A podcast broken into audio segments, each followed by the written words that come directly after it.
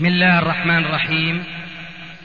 الحمد لله والصلاة والسلام على رسول الله أما بعد. فهذا أحد أشرطة سلسلة الهدى والنور من الدروس العلمية والفتاوى الشرعية لشيخنا المحدث العلامة محمد ناصر الدين الألباني حفظه الله ونفع به الجميع. قام بتسجيلها والتأليف بينها محمد بن أحمد أبو ليلى الأثري.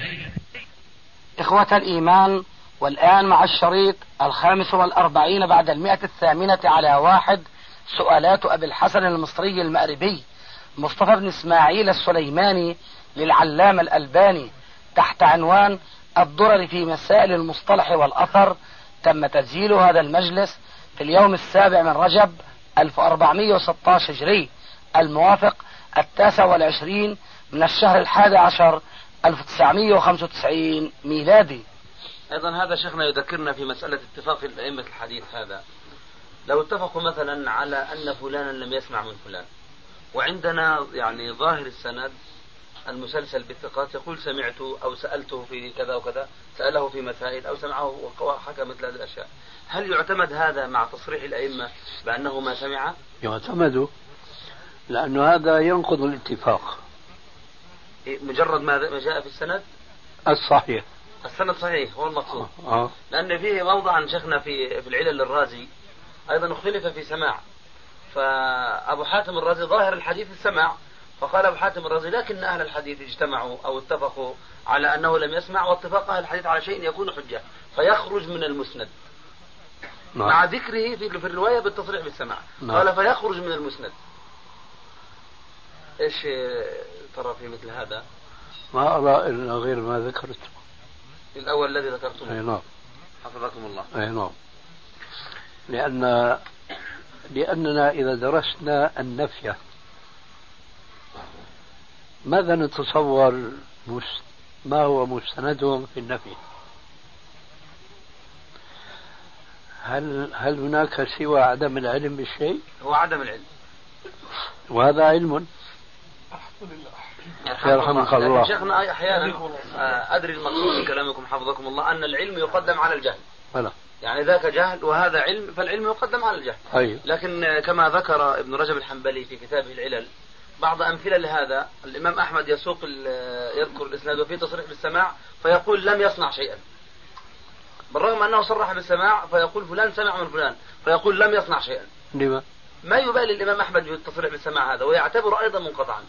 معليش لما؟ ما أدري ما هو لما؟ هذا الله أعلم. طيب نحن نقف عندما نعلم نحن لسنا مكلفين أن نفحص ما في قلوب العلماء وما في أذهانهم.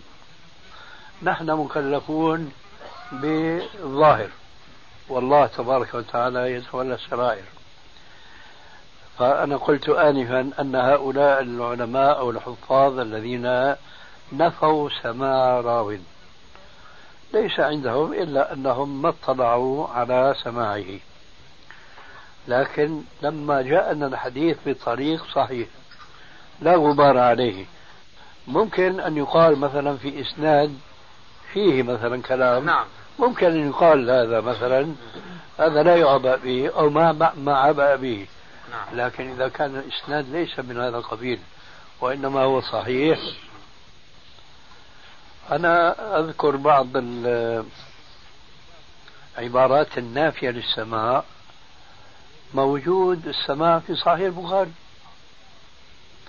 وربما مر عليك شيء من هذا. ماذا نفعل بمثل هذا النفي؟ وعندنا السند الصحيح في البخاري أنه يثبت السماع المنفي. الخلاصة ليس عندنا ما يلزمنا بأخذ قول النافي وعندنا السند الصحيح بما ينفيه. نعم. لكن شيخنا أذكر كلاما لكم منه في المجالس الماضية ومنه ما في الكتب أو في الأشرطة. على سبيل المثال كما كان الحديث في بقية. بالرغم أن كلامنا الآن عام ليس خاصا في بقية لكن أردت أن أذكر بما سبق من من فضيلتكم. وهو أن تلاميذ تلاميذ بقية ينظرون إلى العنعنة بينه وبين مشايخه فيروونها بالمعنى فيقلبون العنعنة سماعا. والذي يعني يعلق في ذهني الآن من كتبكم أو من أشرطتكم أنه محتمل أن التصريح بالسماع هذا مع تنصيص الأئمة على عدم السماع أنه من تصرف الرواة أو مما أو تصحيف من كاتب أو ناسخ أو طباعة أو أو إلى آخره. فهل هذا الكلام ممكن أن ينفعنا في بحثنا هذا؟ هذا ممكن أن ينفعنا فيما لو صب كلام النافين على هذا الإسناد. على هذا الإسناد بعينه. آه. هذا ينفعنا. أما مع العموم؟ لا. نعم أقول حضرتك قبل قليل أيضا شيء يضاف إلى كلامي. ذكر به أخونا أبو الحسن. قبل قليل ذكرتم أن هذا الكلام ممكن إذا كان في السند ما يدفعنا إليه. لا نعم أما إذا كانوا ثقات أو أثباتا فالأمر يختلف والله أعلم. نعم. بارك الله فيك. وفيكم بارك جميعا. الله يحفظكم ويبارك لنا ولكم. شيخنا أيضا هنا ذكروا قلت هنا الراوي المجهول. إذا انفرد بالرواية عنه ضعيف. يعني راو ما له تلميذ إلا هذا التلميذ الضعيف. فإن العلماء يذكرون أنه لا يتهيأ لهم الحكم على هذا المجهول بشيء لأن النكارة محتملة منه ومحتملة من تلميذه.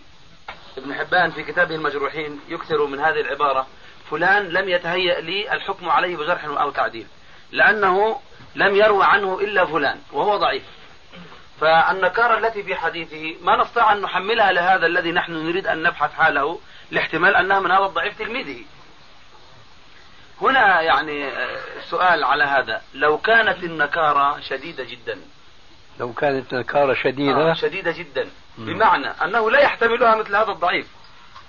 الضعيف الذي عندنا هذا اللي هو التلميذ معلوم بضعف خفيف ما علم بالضعف الشديد فإن أتى عن شيخه المجهول بحديث شديد الضعف والنكارة فإن جينا نحملها على هذا الضعيف فمثله لا يحتملها لأن قد سبق لنا من حاله أنه لا يحتمل الجرح الشديد فهل من الممكن في هذه الحالة أن يحملها المجهول وينكشف حاله بالجرح ويخرج من حيز الجهالة إلى حيز المعرفة بالقدح؟ أما التحميل فبلى. على المجهول. على المجهول. نعم حفظكم الله. أما التحميل فبلى. إيه. لكن هذا غير كلام ابن حبان حتما إيه غيره آه،. كلامنا الآن في أنا طيب. أنا ذكرت كلام ابن حبان طيب. وأضفت له من عند أنا. قلت أما التحميل فبلى. أما كلامك تمامه شرد عني. إيش الشيء الآخر؟ طيب هل يحكم على المجهول بعدما حملناه النكارة؟ ما يحكم. ب- ب- بالمعرفة لا بالقدح ما يحكم. ما يبقى مجهولا. آه نعم. طيب وهذا وضح لي الجواب. هل لكم لا ما عندي الكلام؟ لا لا الله. الذي قصدت أن يتضح جوابي. إيه. جوابي تحمل فرعين نعم. أحدهما بلى والآخر لا. نعم. هو كذلك؟ فلا لتحميله عهدة النكارة. أي نعم. ولا للحكم عليه بالقدح ويبقى على جهلته. نعم. وهو شيخنا كما ذكرتم عندنا هنا ترجمة وهي ترجمة أيفع وهو غير منسوب عن سعيد بن جبير. حمله الحافظ حمله الحافظ عهدة النكارة ولم يحكم عليه. جميل. بارك الله فيك. ما شاء الله. هذا الآن رأيته عندي الآن منقولة تبع السؤال. حمله عهدة النكارة. وأبقاه. أنا أسأل وقت ال وقت اليوسفي ما هذا؟ ما هو بشاهي. إن كنا ظاهر اليوم الحسن. إيه. الظاهرية إن كانت تنفع. فنحن ظاهرية. كل الأئمة ظاهرية. الله أكبر. ظاهرية المعاني وال وروح الشريعة. ما هي ظاهرية المباني والحروف؟ هذا اللي تعنيه يا شيخنا لا قد أعني قد أعني أكثر من ذلك. هم ينشون على ظواهر النصوص. نعم. لكنهم لا يجمدون جمود ابن حزم. نعم. الأصل هو التمسك بالنص نعم. على ظاهره بظاهر النص نعم. لكنهم لا يجمدون على اللفظ كما يفعل ابن حزم نعم. وداود الظاهري.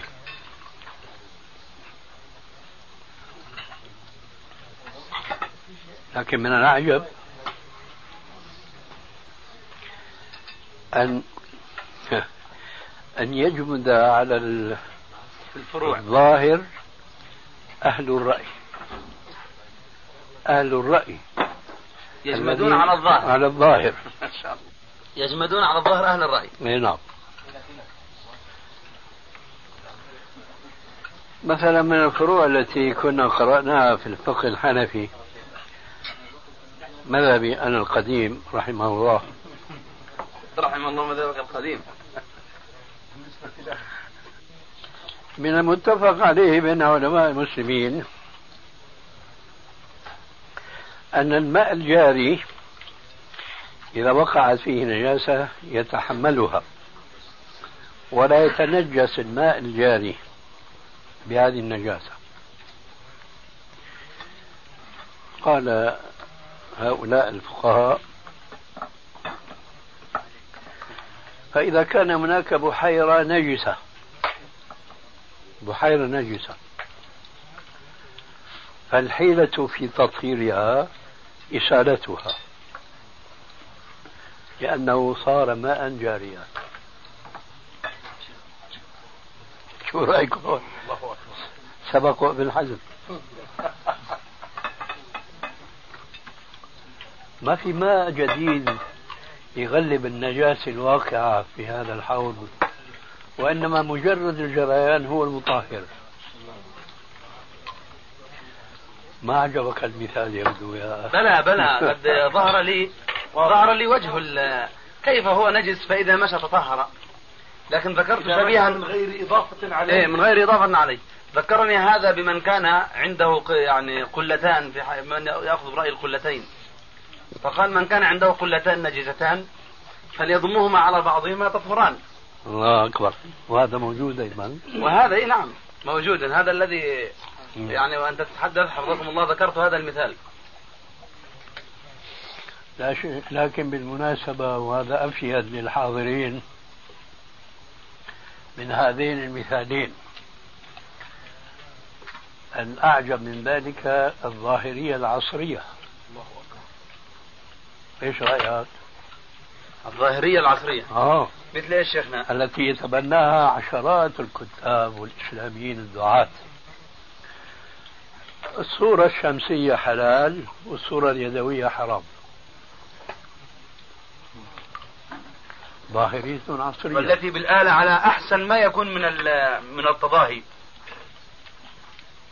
يعني الآلات في المضاهاة أشد من اليد. أدق. نعم. لقد قلت مرة بمناسبة كلمتك هذه. الصورة الفوتوغرافية تظهر هذه الشعر الفلساني. أما الصورة اليدوية لا تعطي لحية الشيخ لكن مو بهالدقة هذه ويمكن مسواية وإلى آخره. بيقولوا هاي ما فيها مضاهاة. كبسة ما فيها مضاهاة. هذه أدق مضاهاة لو كانوا يعلمون.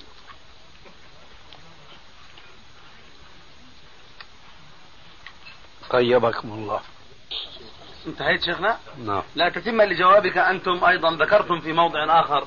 قلتم لو أن إنسانا صنع آلة وهذه الآلة ممكن أن يوضع فيها من المواد التي بكبسة واحدة بزرار تطلع آلاف وهذا موجود الأصنام موجود اليوم.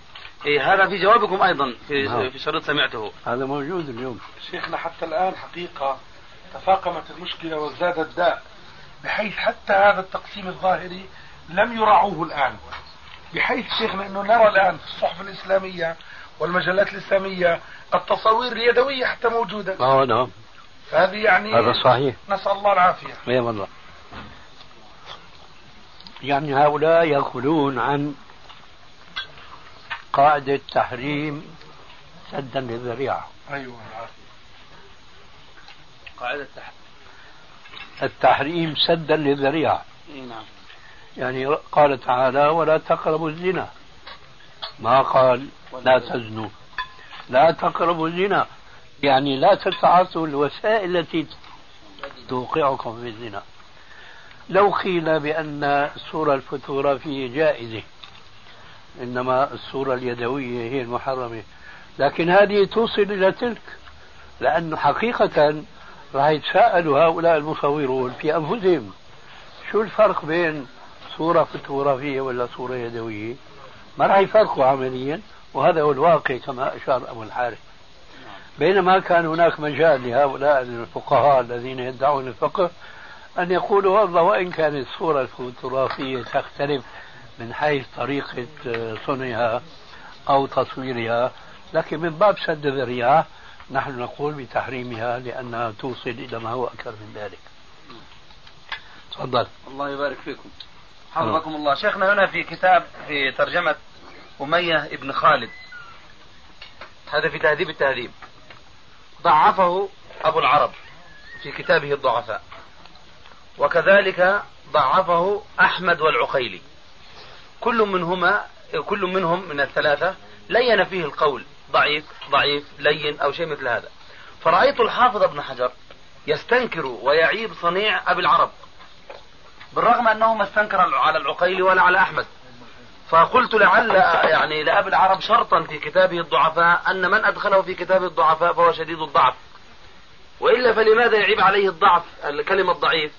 وهي في ذاتها تكلم بها أحمد وتكلم بها العقيلي. فلعل أبا العرب له شرط في كتابه الضعفاء شديد الجرح. أردت أن أسألكم هل لأبي العرب في كتابه الضعفاء شرط من أدخله في كتاب بالجرح الشديد؟ لا أعلم بارك الله فيكم والكتاب أنا ما وقفت عليه. فهل منكم من واقف؟ غير مطبوع الكتاب. لكن هنا يرد في بالي سؤال.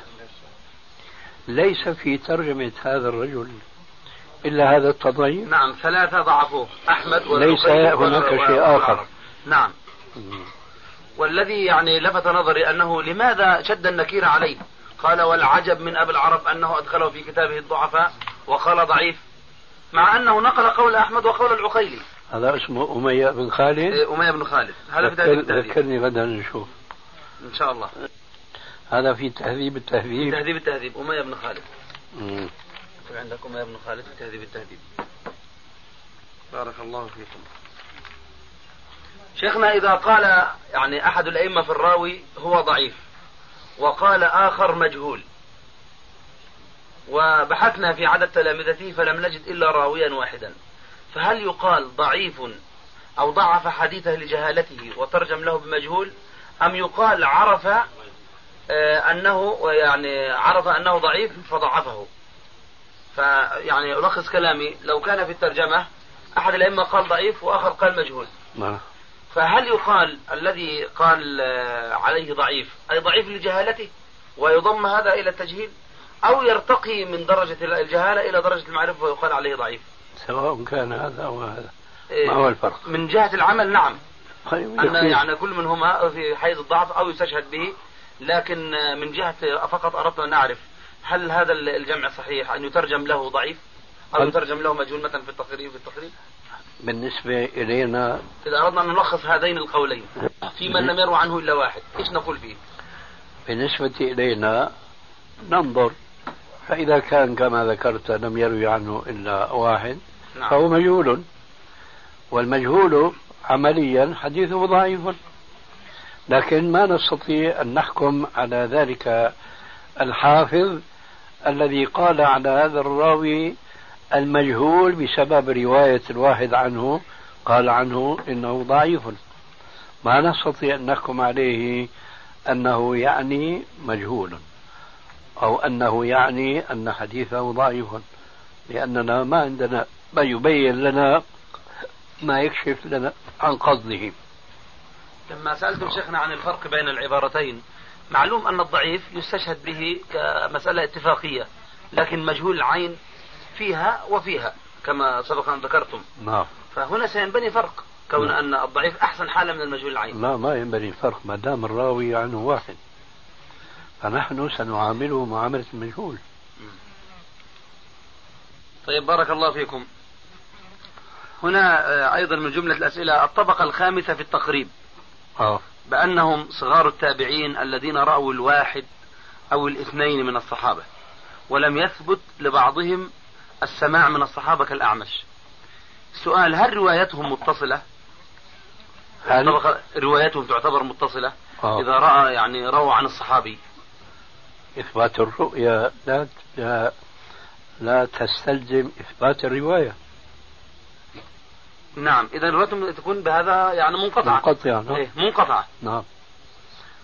لكن قوله لم يثبت لبعضهم السماع هذا يدل على أنه بالمفهوم أن بعضهم قد سمع. فإذا كان هذا البعض ممن سمع آه. حينئذ وقد صرح به. نعم. نعم ما شاء الله.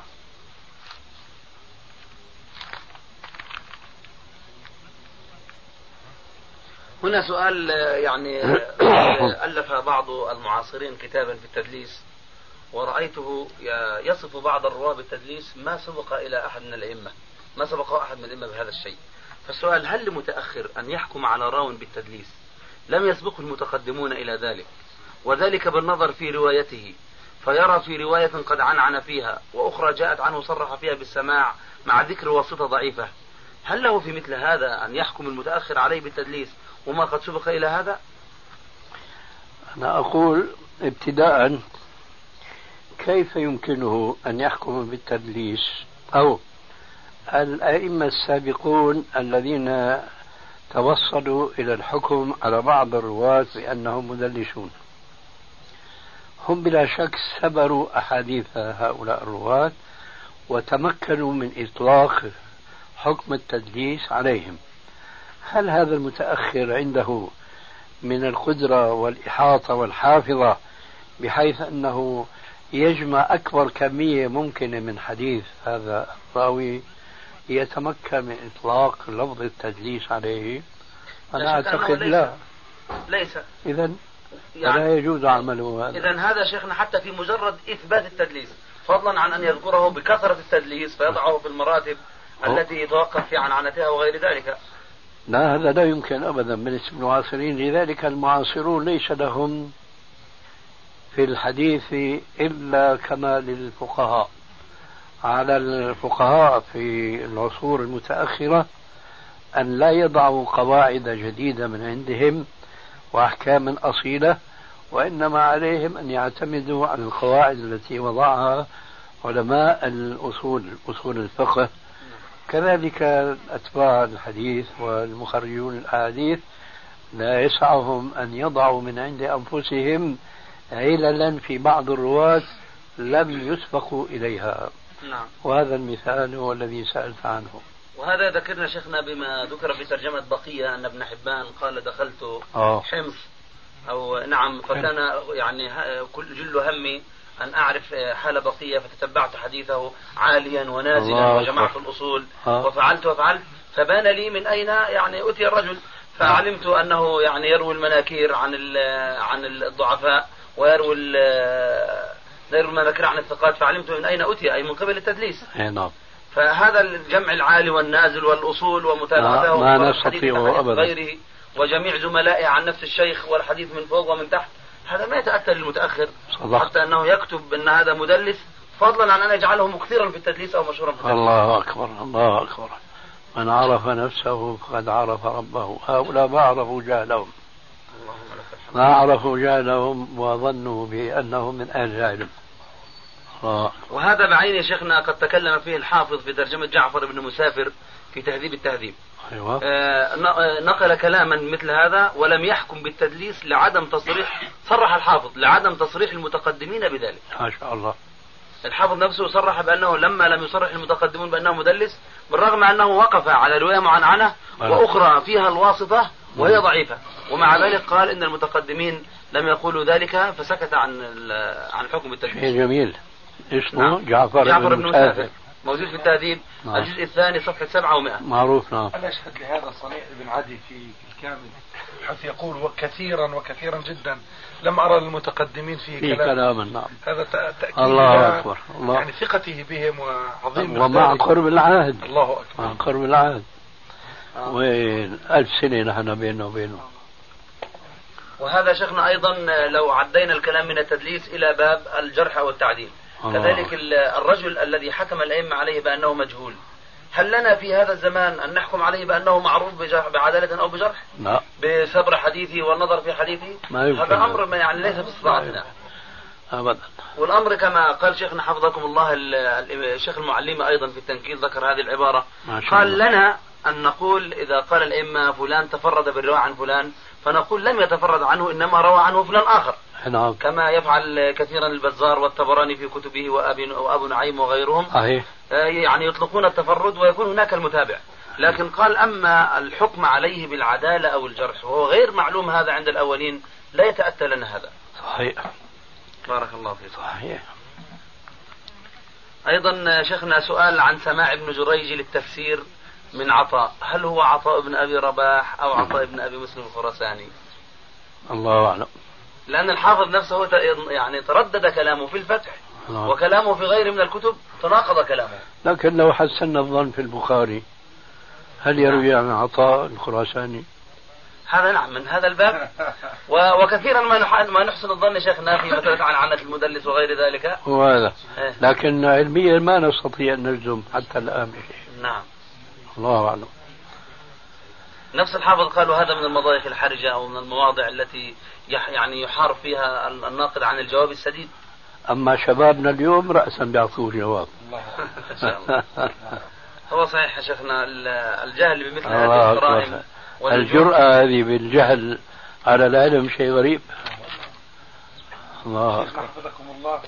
أنا أذكر آه، ما ادري اذا تساعدوني بارك الله فيكم كلام الحافظ ابن حجر في أثر ابن عباس في آه، الرجال الصالحين ك- ودا ويغوث ويعوق ونسرا آه. قال كانوا رجال صالحين إلى آخره. فهنا في سند البخاري عطاء.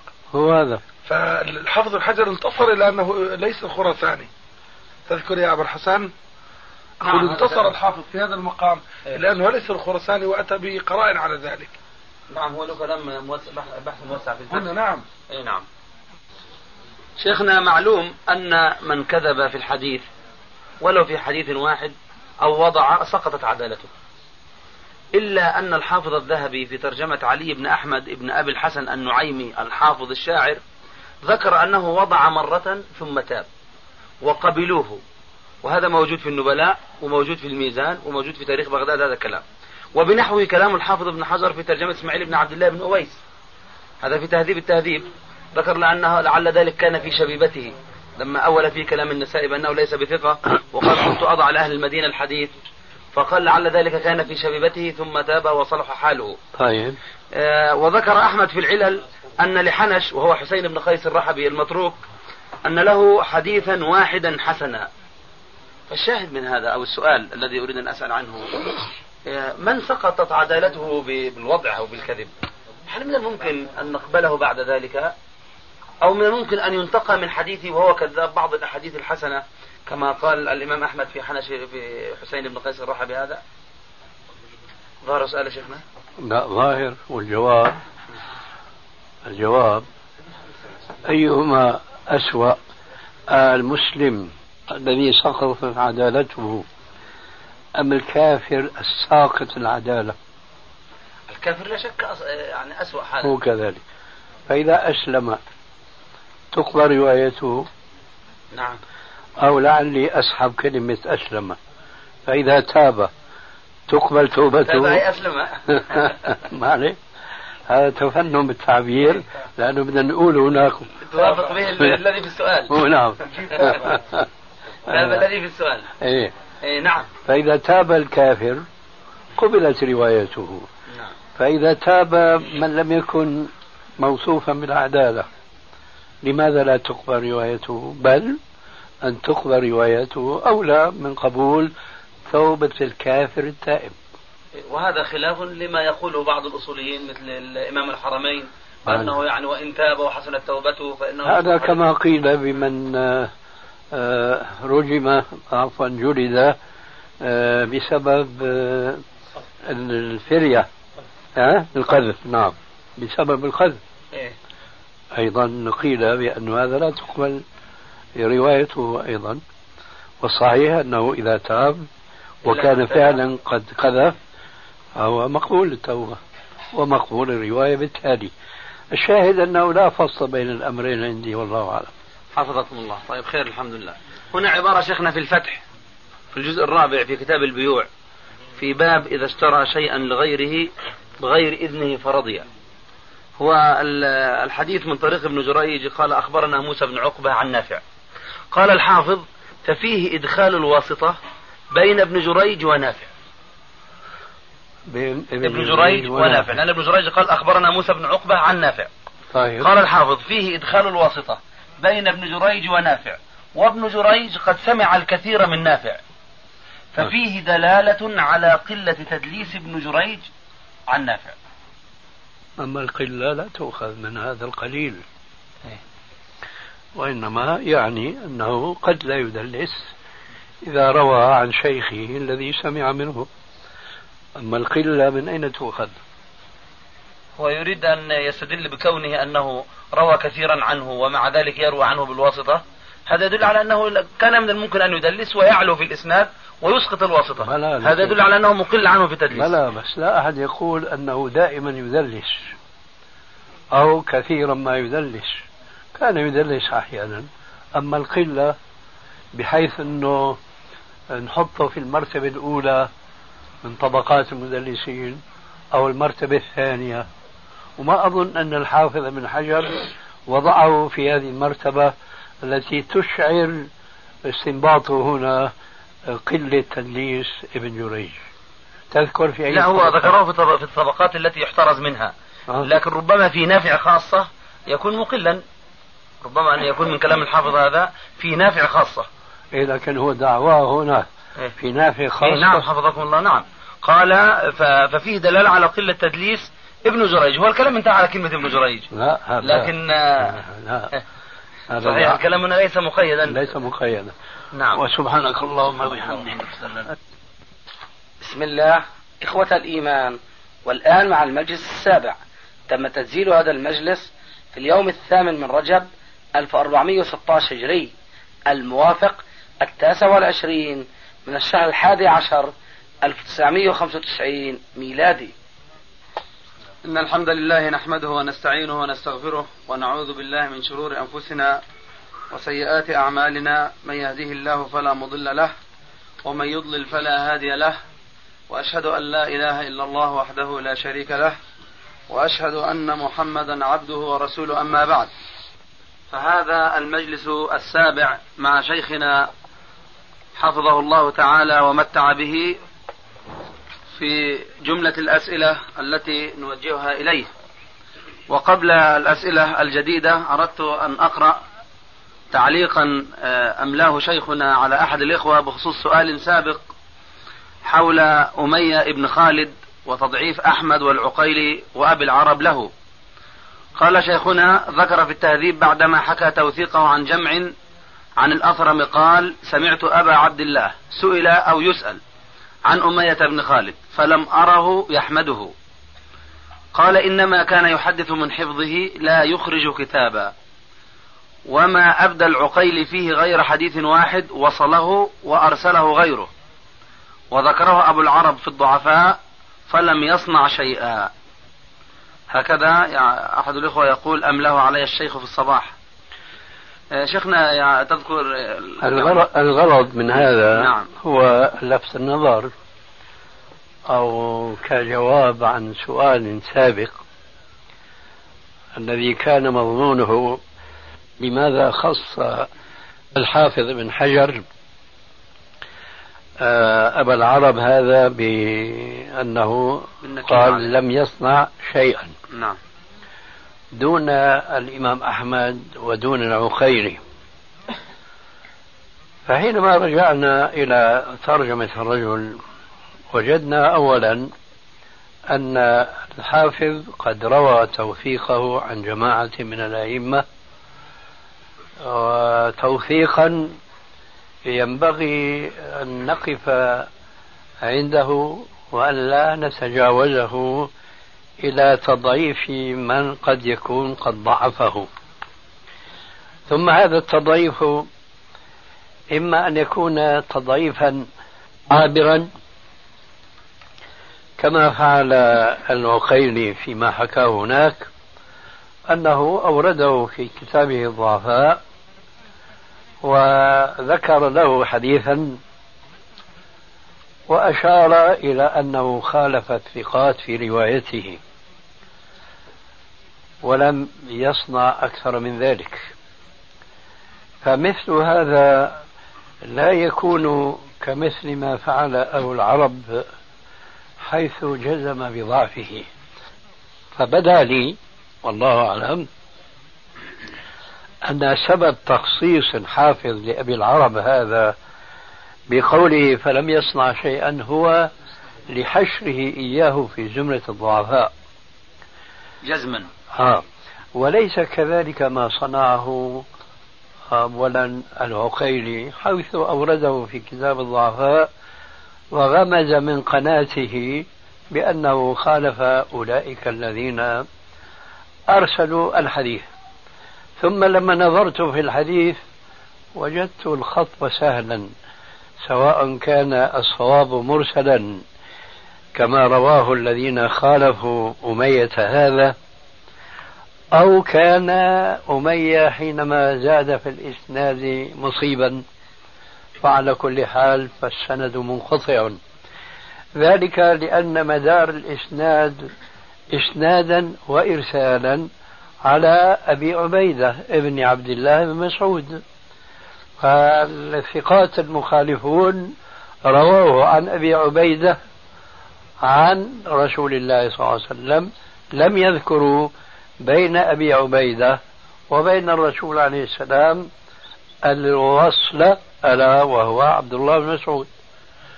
لكن كذلك الذي ذكر ابن مسعود وهو أمية رواه عن أبي عبيدة عن عبد الله بن مسعود وأبو عبيدة لم يسمع كما تعلمون من عبد الله بن مسعود. فالحديث على كل حال معلل بالانقطاع. إما بالانقطاع بين أبي عبيدة وبين ابن مسعود أو بين أبي عبيدة وبين الرسول عليه الصلاة والسلام. كل ما في الأمر أن هناك اصطلاح. إذا سقط من السند الصحابي كان مرسلا وإلا كان منقطعا كما هو واقع هذا الحديث. فهذه الملاحظة بالنسبة للعقيلي جعلت الحافظ يخص بذكر أبا العرب. بقي ما يتعلق بالإمام أحمد. الإمام أحمد أيضا لم يصنع صنع أبي العرب. وإنما غمز من حفظه. ونحن نعلم أن كثيرا من الثقات آه، قد غمز في حفظهم ومع ذلك فذلك ما أخرجهم من أن يكونوا من الثقات. هذا ما بدا لي بعدما رجعت إلى الترجمة. بارك الله فيكم. فيكم بارك. شيخنا آه، كان يحدث من حفظه يخرج كتابا. أما يدل هذا القول على أنه كان يحدث أحاديث وتستنكر عليه ويطلب منه أصله هل هي كذلك في كتابك أم لا فيمتنع من إخراج الكتاب. وهذا وجه من, الوجوه التي يعلون بها أو يجرحون بها الرواة؟ لا, لا يصح لنا أن نضيف إلى الرواية أشياء تبدو لنا ولا سند فيها لدينا. كل ما في هنا أنه هو من عادته أن يحدث من حفظه وذاكرته ولا يخرج كتابا. يمكن أن يقال إنه ليس له كتاب إنما هو يحدث من ذاكرته والذاكرة قد تخون صاحبها. أما أنه كان لديه كتاب ولا يقابل محفوظه بما في الكتاب هذه أشياء فيما يبدو والله أعلم تحتاج إلى روايات تبين أن هذا هو المقصود وما دام أنه ليس لدينا إلا هذه الرواية فهذا هو الوجه. ولو قيل بمثل هذا الاحتمال آه، لربما آه، قوي الاعتراض على الحافظ ابن حجر والأصل تخفيف الحملة إيه، نعم. عليه. وهو هذا الذي لما فهمت أنا كلام الإمام أحمد على هذا المعنى خاصة قال لم يحمده. وقال إنما كان يحدث من حفظه لا يخرج كتابا ففهمت أنه كان يروي أشياء تستنكر عليه. فيطالب بأصله ليقارن بين هل هو في أصله أو أدخله أو أو إلى آخر لكن هذا الاحتمال يكون بعيدا لا سيما كما ذكرتم شيخنا أن هناك من وثقه. آه. فمع ذكر التوثيق يعني يبتعد عن الذهن تهمة أنه أخذ حديث غيره وادعاه آه. ويطلب منه الأصل فيمتنع. نعم بارك الله فيكم. فيك بارك طيب هنا شيخنا سؤال حول صنيع الحافظ ابن حجر في بعض التراجم في التقريب. في بعض التراجم آه، يكون الخلاف هل هو صحابي أم لا. فيترجم له الحافظ بقوله مختلف في صحبته. ولا يقول ثقة ولا يقول صحابي. فلا هو بالذي جزم بصحبته فنعرف. ولا هو بالذي عندما لم يجزم بصحبته آه، يعني كشف عن حاله الحديثي وهو في مرتبة التابعين لنعرف أن هو أم ضعيف. فعندما يقول مختلف في صحبته إيش نحكم نحن عليه إذا كان الحديث فيه راو من هذا الصنف؟ حديث مختلف فيه. مختلف فيه؟ م. ما نقول صحيح ولا شيء في هذا أنت بتقول نحن. يعني أنا أسأل يعني في هذا إيش ما ليه ما ليه إيه. سنجعل الناس أو المشتغلين بهذا العلم قسمين. نعم. قسم من هؤلاء الناشئين المبتدئين. هؤلاء آه، ليس لهم مرجع إلا التقريب. فهؤلاء هو الجواب السابق يوجه إليهم. أما من كان من الباحثين المتمكنين في هذا العلم وقد ساعدهم علمهم وتمرسهم فيه على انتقاد الحافظ بن حجر في بعض عباراته الصريحة وليست كهذه فحين ذاك هؤلاء يعتبرون هذه الكلمة كما لو أنها لم تقل. كما أنها لم تقل. ويبحثونهم. ويبحثونهم نعم. ببحثهم واجتهادهم ولا شك أن النهاية ستكون إما موافقة الحافظ على ما قال. هذا الإشكال. فيعود الموقف الجواب السابق. وهذا ما في غرابة لأنه الحقيقة من العلم أن يعرف طالب العلم أنه من المستحيل أن يعطي جوابا عن كل جزئية.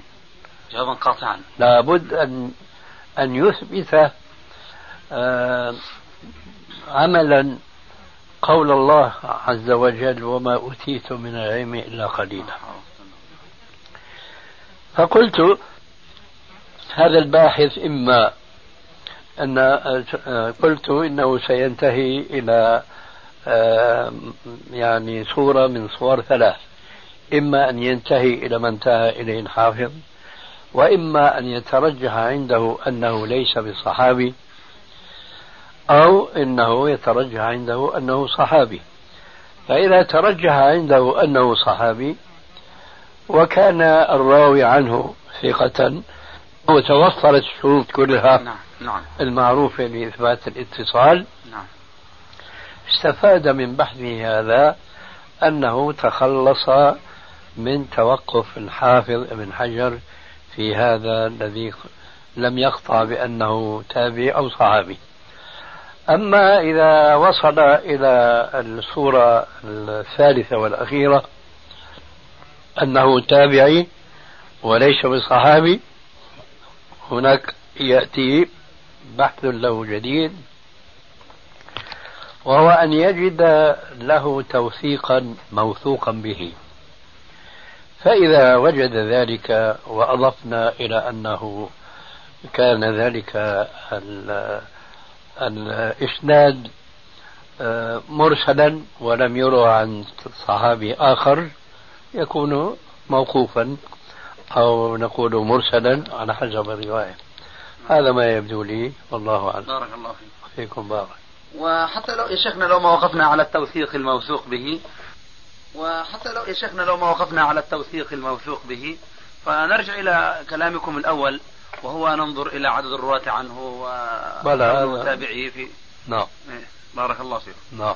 هنا عبارة شيخنا في هدي الساري ذكرها الحافظ ابن حجر إيه، تتصل بما بالأحاديث التي يسكت عنها الحافظ ابن حجر آه. في الفتح.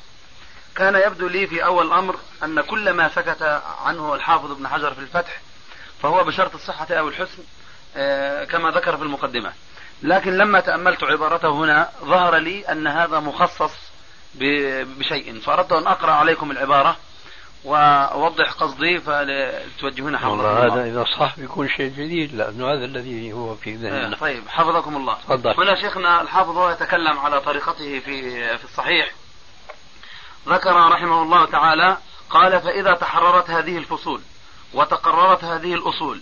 افتتحت شرح الكتاب مستعينا بالفتاح الوهاب.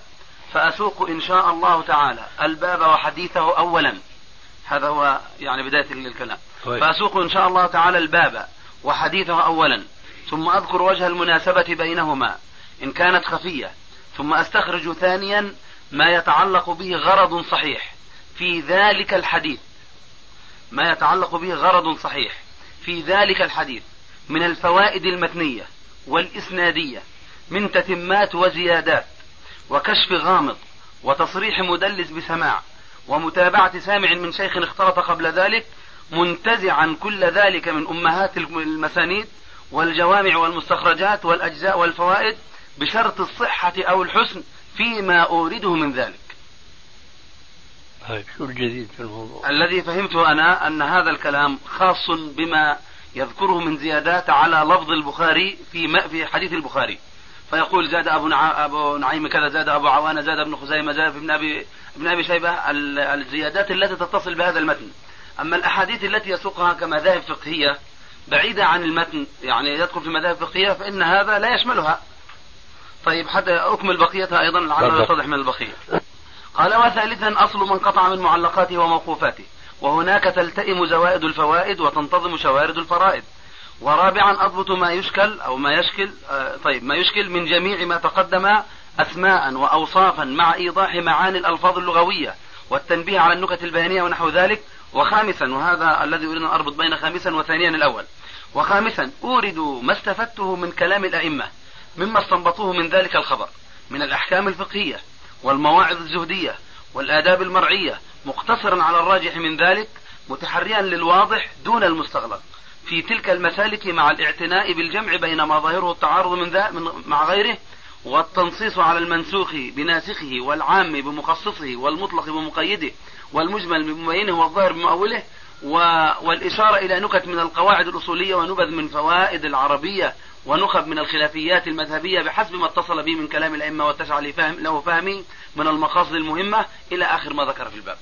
فهنا في الباب الخامس تكلم على المسائل الفقهية والمذاهب الفقهية وما اشترط في هذا الشرط.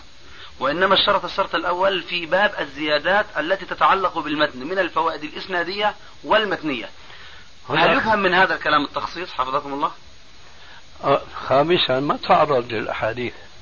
إيه، ما ذكر الأحاديث لا سلبا ولا إيجابا. إي نعم. وعلى هذا ما أظن أن في خامسا فيه شيء يدعم ما سبق في الأول. ولذلك أنا بحاجة إلى أن تسمعني مرة أخرى كلامه السابق الذي يخصص التصحيح والتحسين بما له علاقة بما يشرحه من أحاديث صحيح البخاري. طيب أعيد إن شاء الله. فضل. قال رحمه الله فأسوق إن شاء الله تعالى الباب. وحديثه أولا ثم أذكر وجه المناسبة بينهما إن كانت خفية ثم أستخرج ثانيا ما يتعلق به غرض صحيح. في ذلك الحديث من الفوائد المتنية والإسنادية من تتمات وزيادات وكشف غامض وتصريح مدلس بسماع ومتابعة سامع من شيخ اختلط قبل ذلك منتزعا كل ذلك من أمهات المسانيد والجوامع والمستخرجات والأجزاء والفوائد بشرط الصحة أو الحسن فيما أورده من ذلك.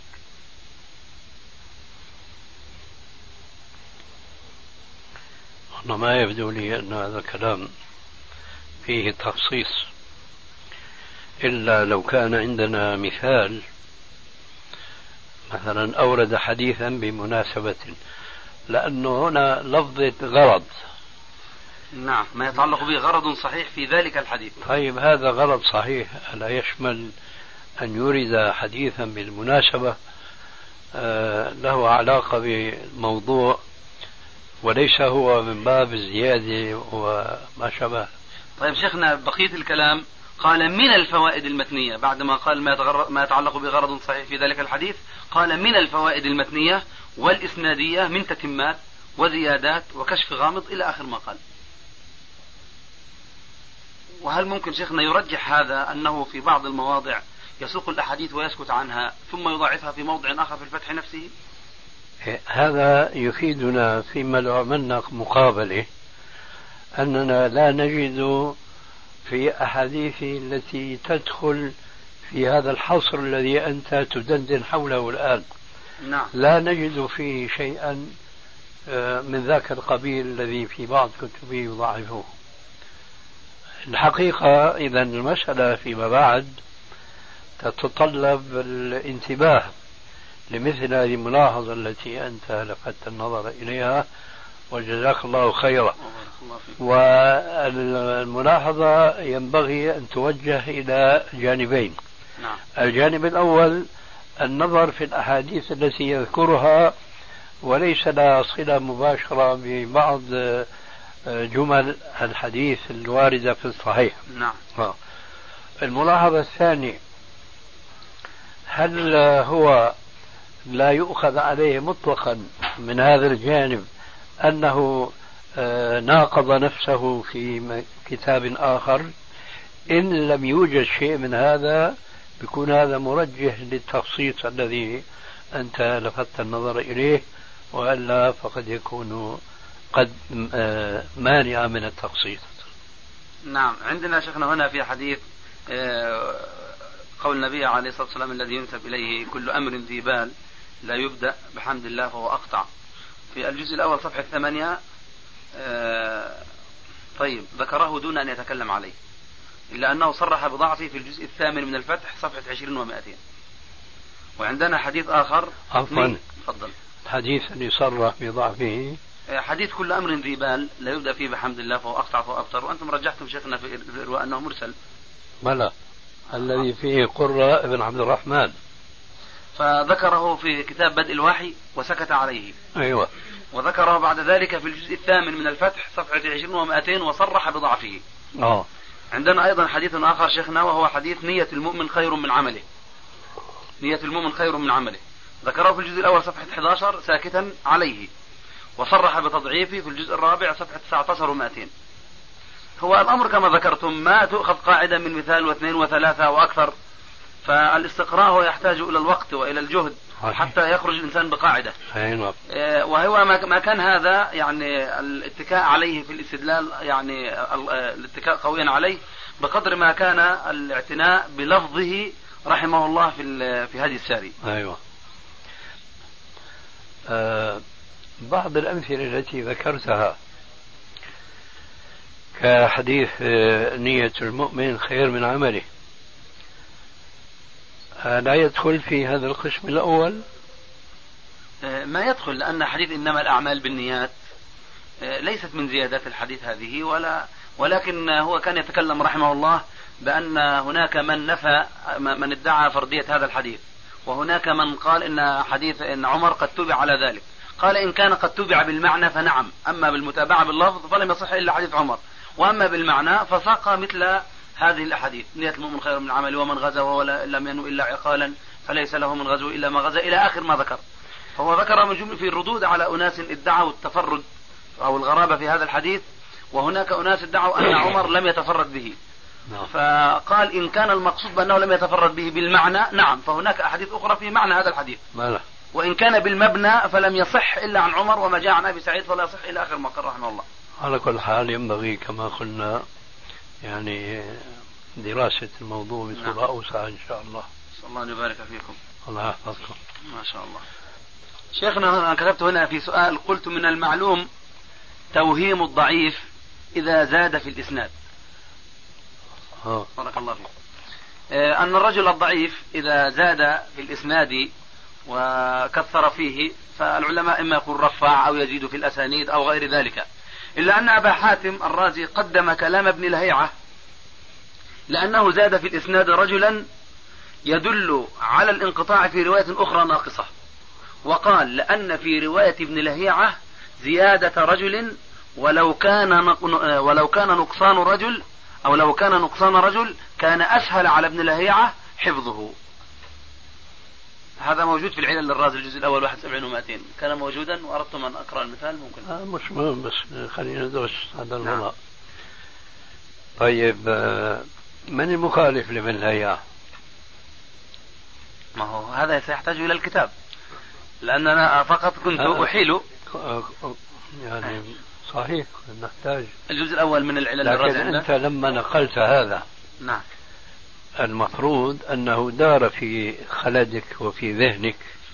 نعم. أنه لماذا يرجح آه، أبو حاتم الرازي رواية ابن لهيعة بمثل هذا التعليل والمخالف له بإسقاطه للرجل هو إما أن يكون ثقة نعم.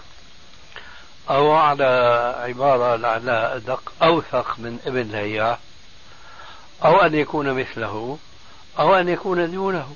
نعم. فإذا كانت الأولى فلا وجه لمثل هذا التفضيل أو الترجيح إطلاقا. نعم. إذا كانت الأولى.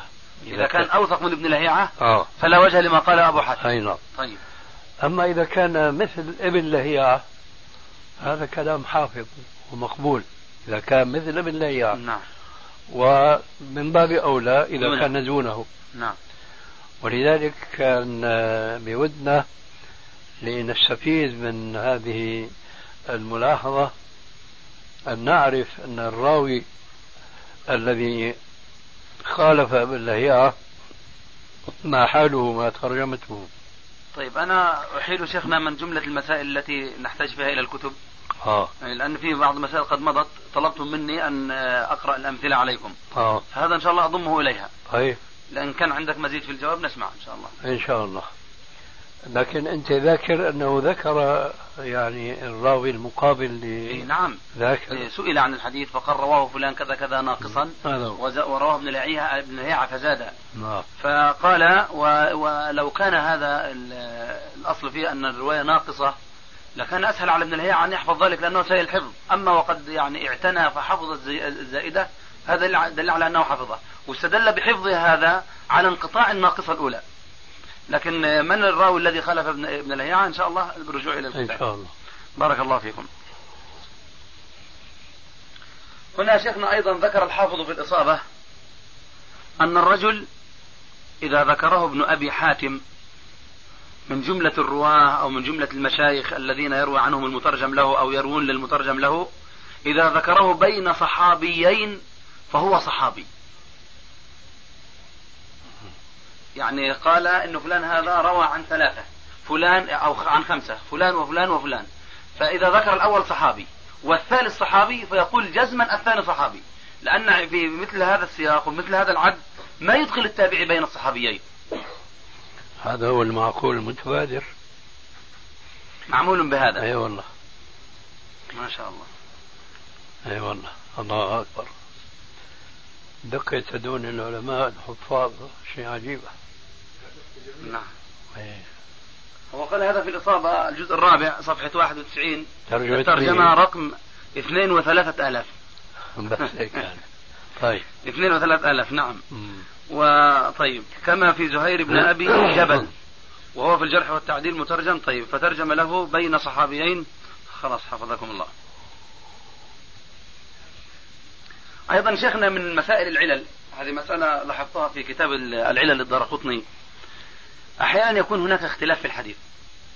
فلو فرضنا أن أحد الثقات رواه من حديث أبي هريرة مرفوعا عن رسول الله عليه الصلاة والسلام بمتن.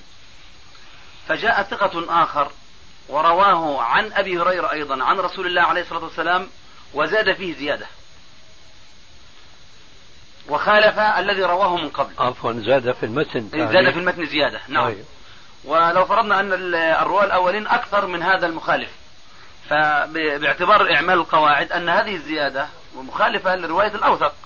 لكن يعني. لو رأينا شيخنا جاء ثالث فروى نفس الحديث من, نفس المخرج لكن جعله من مسند ابن عمر لا من مسند أبي هريرة. أرى الإمام الدارقطني ينظر إلى هذا الراوي الذي شذ في جزئية ووافق الثقات في جزئية فيعده مرجحا لرواية من, من رواه من مسند أبي هريرة ويرد بالجميع على من رواه من مسند ابن عمر. وإن كان هذا الرجل خالف في البعض إلا أنه استشهد به في البعض الآخر. هل هذا الاستعمال صحيح؟ يعني تعني بارك الله فيك بأنه يعتبر حديث ابن عمر شاهدا للثقة لزيادة الثقة الذي خالف الثقات. لا ما أعني هذا حفظك الله. إذن. ولكن أعني الثقة الذي رواه من حديث أبي هريرة أيضا. فقد وافق الثقات في جعله من مسند أبي هريرة. بلى. وخالفهم بزيادة في المتن. نعم. فهو من الناحية المتنية شذ شذ لكن جاء ثقة آخر ورواه فجعله من مسند ابن عمر. طيب. فيقول الإمام الدرقطني وفلان وفلان وفلان ويعد هذا الذي شذ في زيادة في المتن من جملة الذين رواه عن أبي هريرة أوثق من فلان الذي جعله من مسند ابن عمر.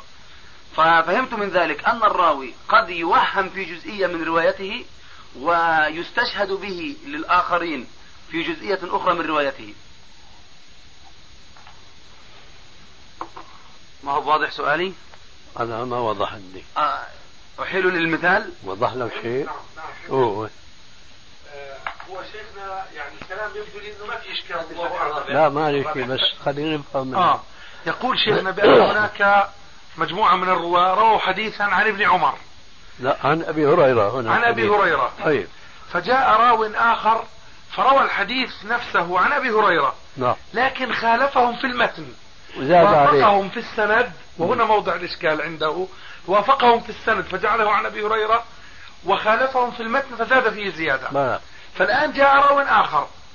فخالفهم في في السند فجعله عن أبي هريرة عن ابن عمر عن ابن عمر أيه. فماذا يقول؟ أوه. يقول الآن هو عد ذلك الراوي الذي زاد في المتن من ضمن المرجحات على وهم من خالف في ذكر ابن عمر وبنفس الوقت وهمه في زيادة المتن فاستشهد به في ثبوت السند أو في في الموافقة الإسنادية وخالف في الزيادة المتنية كنت أود من أبو الحسن أنه يقول أنه هذا هو قصدك.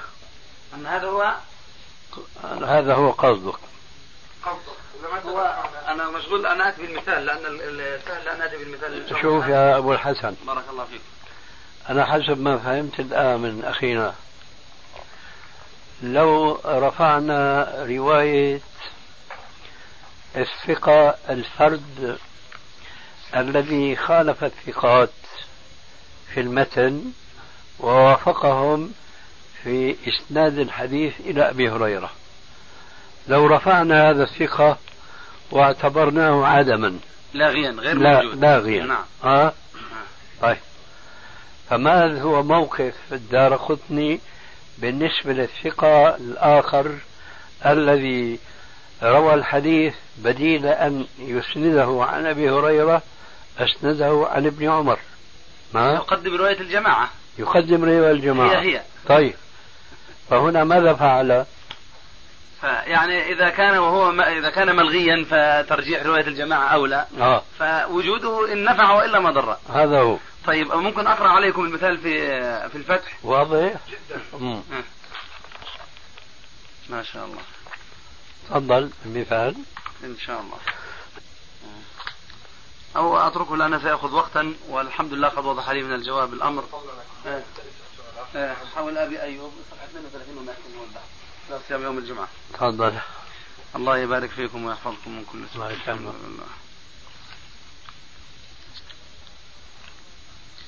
شيخنا هنا سؤال قال عبد الله بن أحمد لأبيه كيف كان سماعك من حفص بن غياث؟ هذا في كتاب العلل لأحمد. كيف كان سماعك من حفص بن غياث؟ قال كان السماع من حفص شديدا. قلت كان يملي عليكم؟ قال لا. قلت تعليق؟ قال ما كنا نكتب إلا تعليقا. أردت أن أعرف معنى هذه العبارة. بارك الله فيكم الظاهر والله أعلم أنه كان لا يجلس حفص هذا كان لا يجلس على طريقة علماء الحديث للتحديث وإنما كان يجلس مجلسا ثم يعلق حديثا من أحاديث على مناسبة من المناسبات فيكون الإمام أحمد جالسا في مجالسه هذه ويلتقط هذه الأحاديث منه والواقع أن الشيخ حفص لم يجلس للتحديث كما هو عادة المحدثين. نعم. يعني ما جلس ليملي على الناس وهم يكتبون كما نعم. كما هي العادة. ربما أنه يأخذون نتفا من حديثه. نتفاً حسب من المناسبات. حسب المناسبات حسب المجالس. نعم. لعل يوضح على ذلك أنه كان السماع منه شديدا كان حفص شديدا أي آه. أنه يعني ما يعطي الحديث أو كما يقول عن بعض أو عسر في أنه كان. شحيحا نعم. بالتحديث. كان عسرا في الرواية. آه. نعم. بارك الله فيكم. فيكم بارك. هنا أيضا سؤال شيخنا. عبارة موجودة في كتاب الضعفاء والمتروكين للدار قطني إيش يقول فيها؟ قال هنا قال البرقاني طالت محاورتي مع أبي منصور إبراهيم بن الحسين حمكان. لأبي الحسن علي بن عمر الدار قطني. عفى الله عني وعنهما في المتروكين من أصحاب الحديث. فتقرر بيننا وبينه على ترك من أثبته على حروف المعجم في هذه الورقات. وقام يسوق يعني ذكر هذا في مقدمة الضعفاء المتروكين وقام يسوق ال- الرواة. المتروكين نعم. بعض الرواة يذكرهم دون كلام. فهل يكونون متروكين بهذه العبارة؟ هذا هو الظاهر. وهكذا شيخنا يعني صنيعكم في إذا مر عليكم تعدون متروكا؟ نعم. طبعا هذا بالشرط المعروف يعني إذا لم يخالف إيه محمول هذا أي نعم. نعم. محمول يعني إذا انفرد أو يعد الدرقطني من جملة الذين ضعفوه بشدة ويجمع بينه أيوة. وبين غيره. هو هذا. نعم. إذا اختلف شيخنا في اختلف تلامذة ابن معين في نقل الكلام عليه.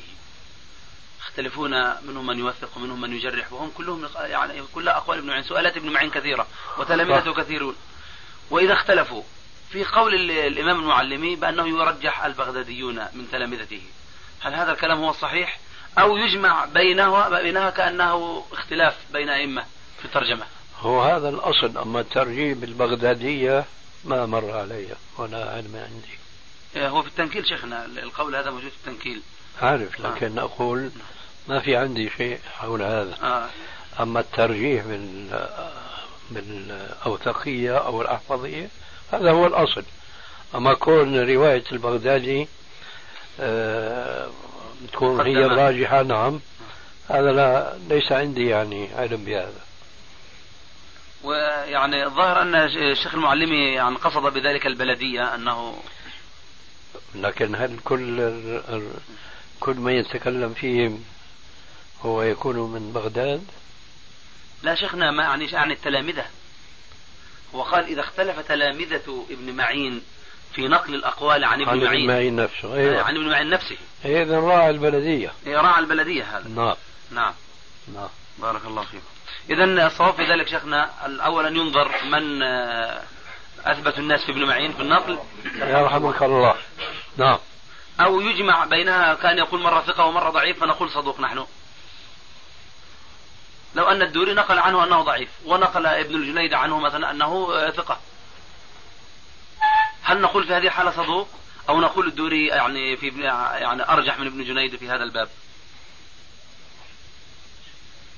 لماذا أرجح؟ لأنه بلدي لا من جهة آخر. الملازمة له وأكثر من السؤالات له والفرضية أنه ليس هناك آه، إيه أقوال ما-. ما هو هذا ما نستفيد إلا من شأن لو لو وقفنا في موضع ما في إلا هذا القول عندنا. أي نعم. أما مع جملة الأقوال س والله ما عندي شيء في هذا. حفظكم الله.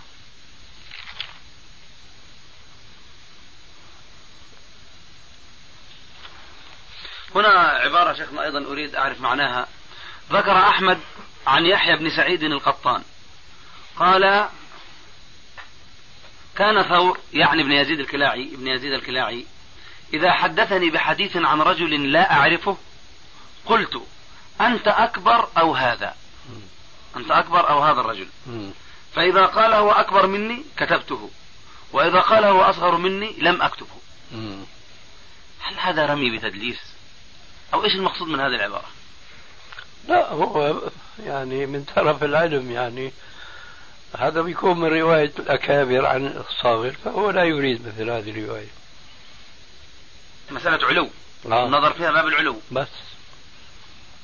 لا يمكن أن يؤخذ أكثر من ذلك. ما شاء الله. طيب قال أحمد هنا في روح ابن القاسم هو ثقة لكن روى عن الصغار. ومن المعلوم من كلام ابن عدي أن الرجل لا يكون من أهل الحديث إلا إذا لكن كلام ابن عدي فيما إذا كتب لا فيما إذا روى. كتب عن الصغار عن أكبر منه وأصغر منه عن مثله وكذا. لكن كلمة لكن يعني روى عن عن الصغار. تهمة بأنه لم يرحل أو تهمة بتدليس أو تهمة بماذا؟ إيش وجه يعني الغمز فيه بهذا القول؟ ثقة لكن روى عن الصغار. يعني غمز ناعم لا يضره. إي نعم. إيش منشأ هذا الغمز أو سببه؟ هو كونه ما ما يعلو ما يروي عن الأكابر نعم. غمز يعني ليس له آه، تأثير في الرواية. نعم. هو يعني يعني كما كانوا يطلبون الأسانيد العوالي ثم ينزلون أحيانا لسبب أو آخر لكن ليس الأصل عندهم آه، النزول وإنما هو الارتفاع والعلو. فحينما تأتي مثل هذه العبارة كان يروي عن أصاغر يعني أنه ليس من أولئك الذين كانوا يعنون بالعلو في الإسناد. فهو ليس جرحا وإنما هو غمز ناعم ولطيف لكن لا ينزل المترجم من مرتبة الثقات إذا ما ثبتت ثقته. نعم بارك الله فيك. هو هذا الذي أنا قصدت أن أعرفه. أما ما يعني كون أنني ما ذهب ذهني إلى أنه جرح. ولكن قلت يعني الحامل له هل أنه لم يرحل هل أنه كذا. طيب حفظكم الله. إيه، قبل قليل تكلمتم عن سماع أبي عبيدة إيه، ابن عبد الله بن مسعود من أبيه. وذكرتم أن الراجح فيه عدم آه، الاتصال. نعم. هنا قول يعقوب بن شيبة يقول إنما استجاز أصحابنا أن يدخلوا حديث أبي عبيدة عن أبيه في المسند يعني في الحديث المتصل آه، قال لمعرفة أبي عبيدة بحديث أبيه. وصحتها وأنه لم يأتي فيها بحديث منكر. عفوا شو قال؟ يعقوب بن شيبة. آه. قال إنما استجاز أصحابنا. استجاز؟ إيه استجاز. آه. يعني أجازوا لأنفسهم هذا إيه. الشيء. إنما استجاز أصحابنا أن يدخلوا حديث أبي عبيدة عن أبيه يعني ابن مسعود في المسند يعني في الحديث المتصل لمعرفة أبي عبيدة بحديث أبيه وصحتها. ولأنه لم يأتي فيها بحديث منكر. هذا من في شرح عيد الترمذي. نعم. ابن رجب نقل هذا النص عنه. لا أعتقد أن مثل هذا الكلام يعني يجعل حديث أبي عبيدة عن أبيه حديثا صحيحا. آه لسببين اثنين. السبب الأول أنه ينافي القواعد العلمية. وبخاصة أنهم كما أخاك صرحوا بأنه لم يسمع من أبيه لأنه مات أبوه وهو صغير. هذا حسب القواعد. السبب الآخر أننا نجد بعض المعروفين بالتساهل في التصحيح والتحسين كالحافظ الترمذي يعلل ما يرويه من طريق أبي عبيد عن أبيه من انقطاع. فيكون هذا رأيا له لا يفيدنا الاعتماد وتصحيح كل الروايات التي يرويها أبو عبيد عن أبيه. أيضا نقول من باب الاحتياط إذا لم يكن له متابع أو شاهد أو ما شابه ذلك. أما الجزم بأنه يعرف أحاديث أبيه الصحيحة وأنه لا يوجد في روايته شيء من المناكير. فهذا والله ما ندري كيف نوجهه ونحن نجد من قبلنا أنهم قد ردوا كثيرا من الأحاديث من هذا النوع. بهذه العلة. أي نعم. نعم. طيب هنا شيخنا سؤال. سئل أبو حاتم الرازي عن حديث رواه ابن عيينة عن سعيد بن أبي عروبة والحديث هو في تخليل اللحية. فقال لو كان صحيحا لكان في مصنفات ابن أبي عروبة. ولم يذكر ابن عيينة في هذا الح... و... طيب. طيب لو كان صحيحا لكان في مصنفات ابن أبي عروبة. وهذا مما يوهنه. هكذا عبارة أبي حاتم. ابن عيينة ثقة. ورواية مثله يعني معروفة مشهورة. ثم يقول غير هذا الحديث غير موجود في مصنفات ابن أبي عروبة. هل ابن أبي عروبة كل ما كان في حفظه أدخله في كتبه فما زاد عما في الكتب لا يكون حديثا؟ هذا معنى كلامه لكنه ليس مسلما. نعم. أي نعم. العبرة بظاهر السند؟ لا شك إذا كان الشرط متحققا. نعم. أي كان السند إلى سفيان صحيحا. طيب شيخنا يعني ظاهرة موجودة دائما يعني تنبهون عنها حول الناشئين في الطلب والناشئين في هذا العلم. آه، نرى مثلا بعض طلبة العلم إذا قرأ آه، بعض كتب المصطلح آه، قام وتعاطى يعني مسألة التخريج والتحقيق والحكم على الأحاديث وغير ذلك. هل لو فرضنا أن الطالب قد درس كل كتب المصطلح النكت والتدريب وفتح المغيث وكتب العراقي وكذا وكذا هل هذا كاف شيخنا في أن يتعاطى هذا هذه الصناعة حكم على الأحاديث صحة وضعفا. هل هذا يعني يكفيه أن يفعل ذلك أم يعني هناك كلمة منكم لمثل هؤلاء الشباب التي يعني توقفهم إن شاء الله تعالى على الحق والصواب وفيما يرضي الله سبحانه وتعالى؟ بارك الله فيك. أما أن يتعاطى ذلك فأمر لا بد منه. أما أن يجزم بما وصل إليه علمه فهذا هو الذي يجب أن يتوقف طلاب العلم الذين نفترض أنهم درسوا علم المصطلح دراسة نظرية لكنهم بعد ما تمرسوا في تطبيقه عمليا. ولذلك أنا كنت أقول في مثل هذه المناسبة نحن ننصح إخواننا الناشئين والمتعلقين بعلم الحديث أنهم إذا بدأوا يصححون ويضعفون فليفعلوا ذلك لأنفسهم وليصبروا على أنفسهم سنين حتى إذا ما آه، شعروا بأنفسهم آه، أنهم صاروا بمكنتهم أن يضاهوا من سبقه من أهل العلم تصحيحا وتضيفا حين ذاك فليتقدموا بإفادة الناس آه، إما كتابة وإما خطابة. والسبيل لأن يعرف هذا الطالب نفسه هل وصل إلى مثل هذه المرتبة هو أن ينظر إلى كثير من تخريجاته وتحقيقاته فإذا غلب عليها دون تقليد لمن قبله من الحفاظ والعلماء والمصححين والمضاعفين إذا غلب غلب على أحكامه موافقتها لمن قبله من أولئك الحفاظ يكون هذا دليلا على أن رجل قد وصل إلى مرتبة آه، تسمح له بأن ينشر وبأن يعلم الناس.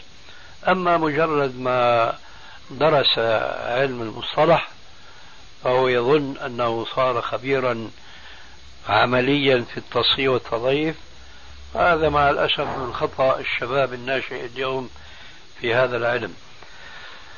نحن نجد آه، مثالا في أصل من أصول العلوم آخر وهو علم أصول الفقه حيث نرى ونعلم كثيرا ممن درسوا علم أصول الفقه لكنهم في أثناء التفريع للمسائل الفقهية يخطئون خطأ كبيرا جدا ويخالفون الأصول التي قرأوها وذلك لأنهم لم يحسنوا تطبيقها. ولعل ذلك بسبب إهمالهم لهذا العلم وعدم عنايتهم بتطبيق الفروع على الأصول. كذلك الذين يدرسون علم مصطلح الحديث فعليهم أن أن يترووا وأن يتباطؤوا في إصدار الأحكام تصحيحا وتضعيفا حتى يصلوا إلى المنزلة التي أشرت إليها آنفا بارك الله هذا ما عندي جزاكم الله خيرا. شيخنا لو أن الرجل قد عرف بالتدليس وروى تلميذه عنه من كتابه هل رواية التلميذ من عن المدلس من كتاب المدلس تزيل علة التدليس؟ المدلس في كتابه كيف كيف روى؟ إيه وهذا ما ندري. هل هو يدلس أيضا في كتابه أم لا؟ كيف ندري؟ يعني الواقع سيكون في كتابه حدثني فلان أو عن فلان. أو عن فلان. لا فرق. طيب إذا لا فرق. لا فرق. نعم. ولعل يعني أي ذلك نحن نجد مثلا ما ندري هذا في الحقيقة هو في الطباعة أم في الرواية. نجد في مصنف ابن أبي شيبة المطبوع اليوم. كثيرا من الأحاديث يقول فيها ابتداء حدثني فلان. وأحاديث يقول فيها عن فلان. وأحيانا لا شيء لا هذا ولا هذا. فلان. ها فلان. آه. فلو كان هو من أصناف المدلسين كنا نتوقف عن مثل الصورة الثانية والثالثة. فإذا كنت تسأل عن المدلس والتلميذ ينقل عن كتابه فلا فرق بين أن يكون في كتابه عن فلان أو أن يكون يقول حدثني فلان. ففي كل من الحالتين يؤخذ ويرد. إن صرح بالتحديث قبل وإلا علق أو رد. القيد الذي يعني دار السؤال حوله لا يغير من القاعدة المعروفة لدى علماء الحديث. ذكرت الآن شيخنا أيضا مما يدل على كلامكم ويؤيده وهو بارك الله فيكم آه، قصة الليث بن سعد مع أبي الزبير. آه. فإن أبا الزبير أعطاه كتابه بلى. وبعد ذلك رجع وسأله أين الذي سمعته وأين الذي ما سمعته من جابر علم لي عليه نعم. فلو كان مجرد رواية المدلس من كتابه مزيلة للعلة فما كان هناك حاجة لسؤال الليث أحسنت. هنا سؤال شيخنا حول جزئية في تعريف الحديث الصحيح وهو الذي يتصل إسناده بنقل العدل.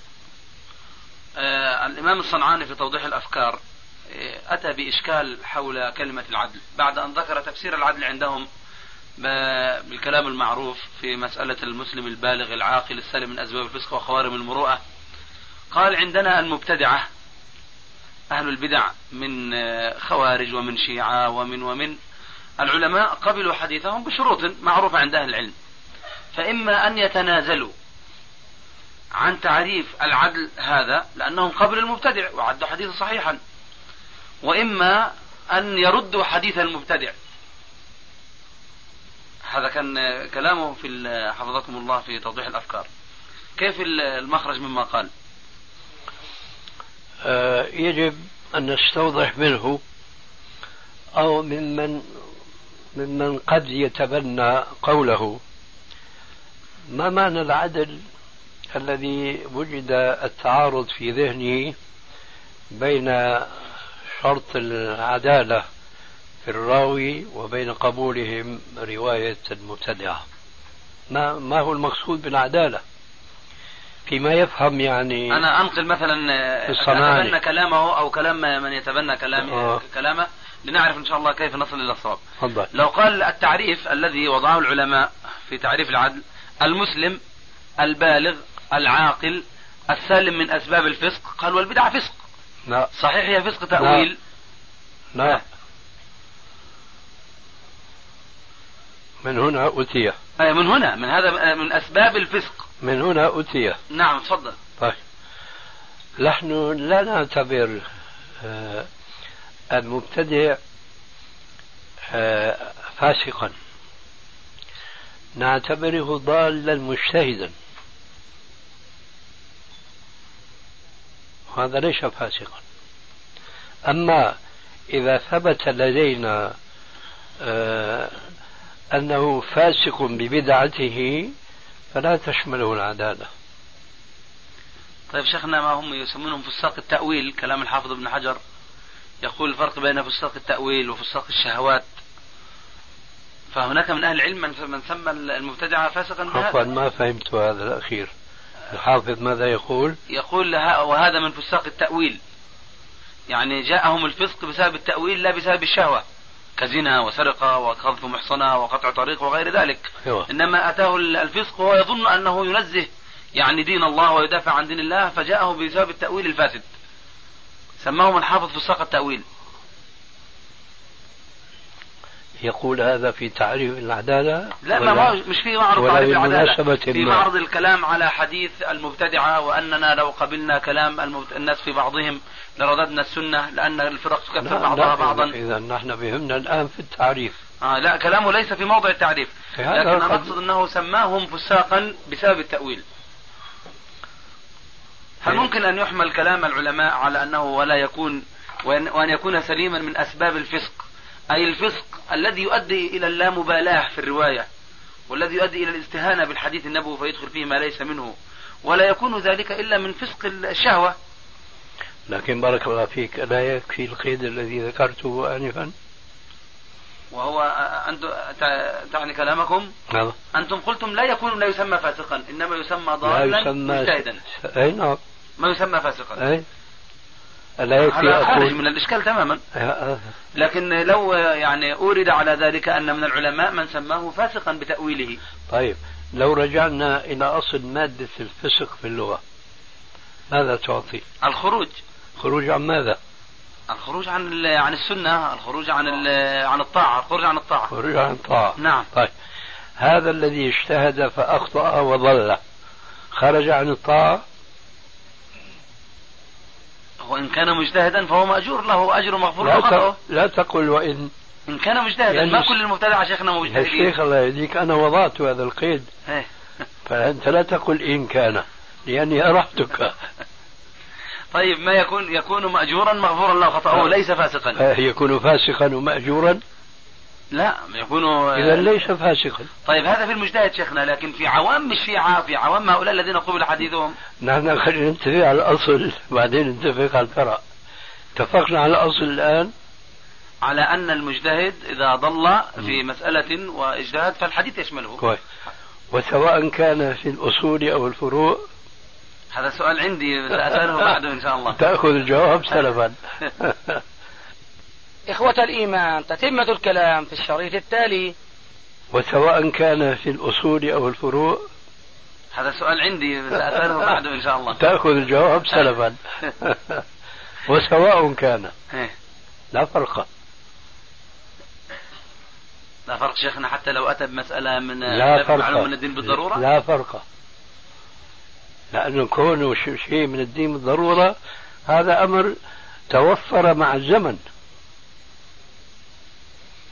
يعني ربما ظهر وأصبح من المعلوم بعده آه. بخلاف ما كان في زمانه. والدليل على هذا. حك ابن مسعود للمعوذتين من المصحف الكريم. لو فعل هذا فاعل اليوم ماذا نقول له حكم آخر. آه. يعني مسألة المعلومة من الدين بالضرورة مسألة تتسع وتضيق باعتبار الأزمنة وباعتبار اشتهار العلم وباعتبار الأفراد. هذا من العلم الخفي. نعم. بارك الله فيك. وفيك بارك.